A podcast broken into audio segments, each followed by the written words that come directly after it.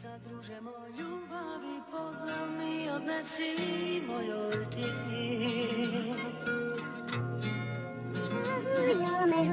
Game, set, match, šešelj.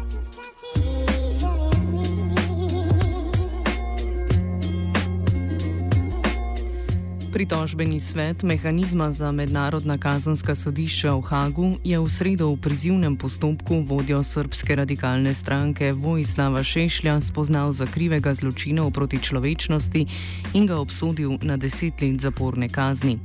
Vojislavu Šešlju v zapor ne bo treba, saj je v haškem priporu preživel skoraj 12 let.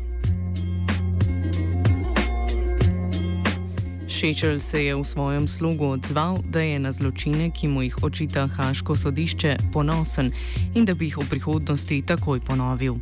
Strupene Šešljeve puščice, uperjene proti Hagu, za vse, ki so podrobno spremljali njegovo sojenje, niso nič novega.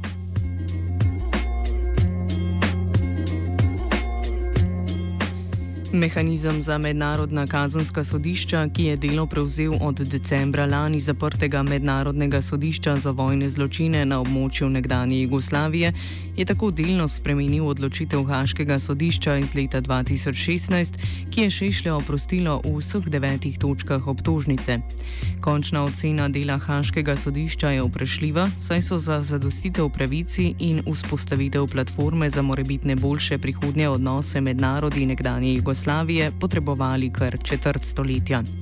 Najbolj iskani zločinci vojne ob razpadu nekdanje skupne države so bodi si skoraj dve desetletji bežali pred roko pravice, bili oproščeni, bodi si pa zaradi smrti niso dočakali končnega razpleta sodbe, zato so mnogi kritični do zapuščine Haškega sodišča.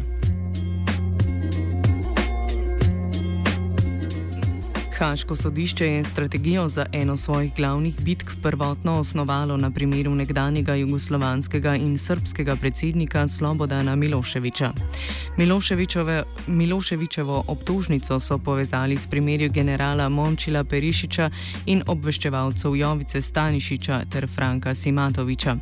Haško sodišče je omenjenim poskušalo dokazati sodelovanje pri osnovanju, oboroževanju in usposabljanju kriminalnih združb, ki so zagrešile zločine na območju Hrvaške, Bosne in Hercegovine ter Kosova. Šešelj je bil izredno marginalen del te zgodbe. Svojo nacionalistično retoriko je bil v medijih sicer zelo prisoten, a v zaodrju nikoli ni imel odločilne vloge in ni vlekel ključnih političnih potez pri naseljevanju Srbov na tuja območja. Njegov javni nastop bi do neke mere lahko enačili z rambom slovenske osamosvojitvene vojne z Magom Jelinčičem, ki se je v svojih nastopih pogosto rad bahal. Galerija je metala petarde, zgleda. Uh mhm. -huh. Mislili smo, da so cigani podarili čez, ne? Uh -huh. smo pa lahali sem.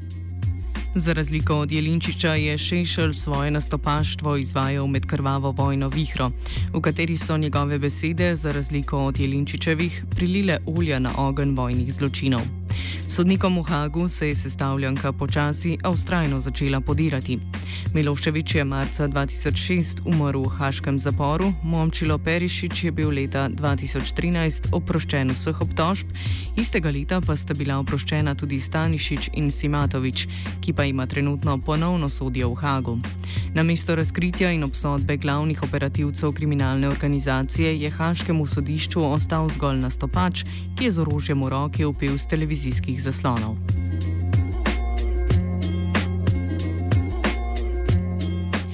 Sodišče, ki je bilo že pred začetkom sojenja Šešlju leta 2007 čez to tarča kritik javnosti, se je tako znašlo na tankem ledu. Ne le, da so kar naenkrat morali spremeniti svoje cilje in so se morali preusmeriti na primer, ki si najverjetneje ni zaslužil takšne pozornosti, ki jo je na to dobil, dodatno težavo je za Haško sodišče predstavljalo tudi dejstvo, da je Šešelj najmlajši doktorant v nekdanji Jugoslaviji, na Biograjski pravni fakulteti je namreč doktoriral pri 25. 20 letih.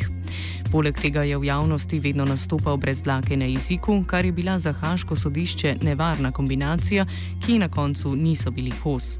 Opozorilne lučke bi se morale v Hagu prižgati že tik pred Šešljevo prostovoljno zglasitvijo v Hagu, ko je dejal, da je Haško sodišče s svojimi nesmiselnimi obtožbami prišlo na vzkriž z največjim srpskim pravosodnim umom, ki jih bo zmlel v prah.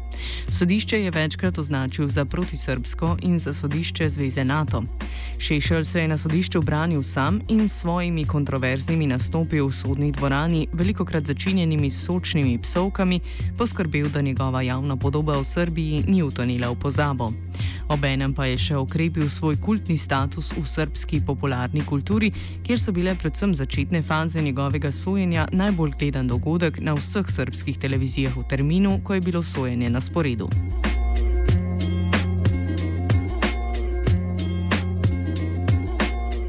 Šešelj se je po povratku v Srbijo leta 2014 ponovno aktiviral na srpski politični sceni. Leta 2016 je svojo radikalno stranko po štirih letih odsotnosti spet popeljal v parlament, sam pa je poslanski stolček zasedel po 13 letih odsotnosti. Čeprav je bil v sredo obsojen za vojne zločine in bi moral po zakonu biti odstranjen iz parlamenta, Šešelj trdi, da svojega poslanskega mesta ne bo zapustil, saj meni, da zakon velja le za obsojence, ki morajo svojo kazen odsedeti v zaporu. Z odločitvijo sodišča ni zadovoljen nihče z izjemo srpskega predsednika Aleksandra Vučiča, ki se je na skrivaj oddahnil, saj se mu ne bo treba ukvarjati z dilemo, ali naj svojega bivšega strankarskega vodjo izroči na prestajanje kazni v Hag. Šešelj trdi, da je odločitev protipravna in da mehanizem lahko odredi le ponovno sojenje, ne more pa spreminjati razpleta že končanega sojenja. Na Hrvaškem ter v Bosni in Hercegovini pa so ogorčeni, da Šešlja niti v prizivnem postopku niso spoznali za krivega za zločine v teh državah državah.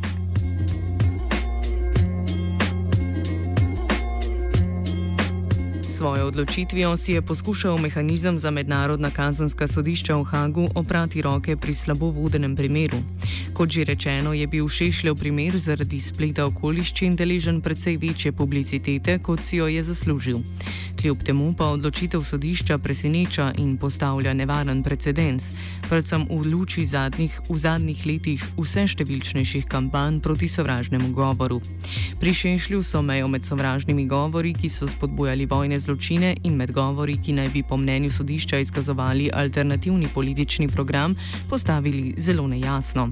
Šešljeve govore v Vukovarju novembra leta 1991 je sodišče na primer označilo za alternativni politični program. Vukovar je ta ključna tačka koju treba probiti, koju treba osvojiti i onda jednostavno Ustašama ništa drugo ne preostaje. Ustašama je jasno ako padne Vukovar ovde, ako padne Slunj u Srpskoj krajini, da pada Ustaško, Ustaški Tužmanov režim u Zagrebu. Če so ti govori res izkazovali zgolj alternativni politični program in niso spodbujali k nasilju, potem je ta vest balzam za ušesa vseh sedanjih in bodočih vojnih vojskačev. V Hagu tako tudi po zaprtju Mednarodnega sodišča za vojne zločine še vedno dvigujejo prah. Če upoštevamo, da je toživstvo za Šešlja zahtevalo 28 let zaporne kazni, se zdi, da je tudi iz poslednje bitke kot zmagovalec išel Šešelj. Komentiral je Daniel.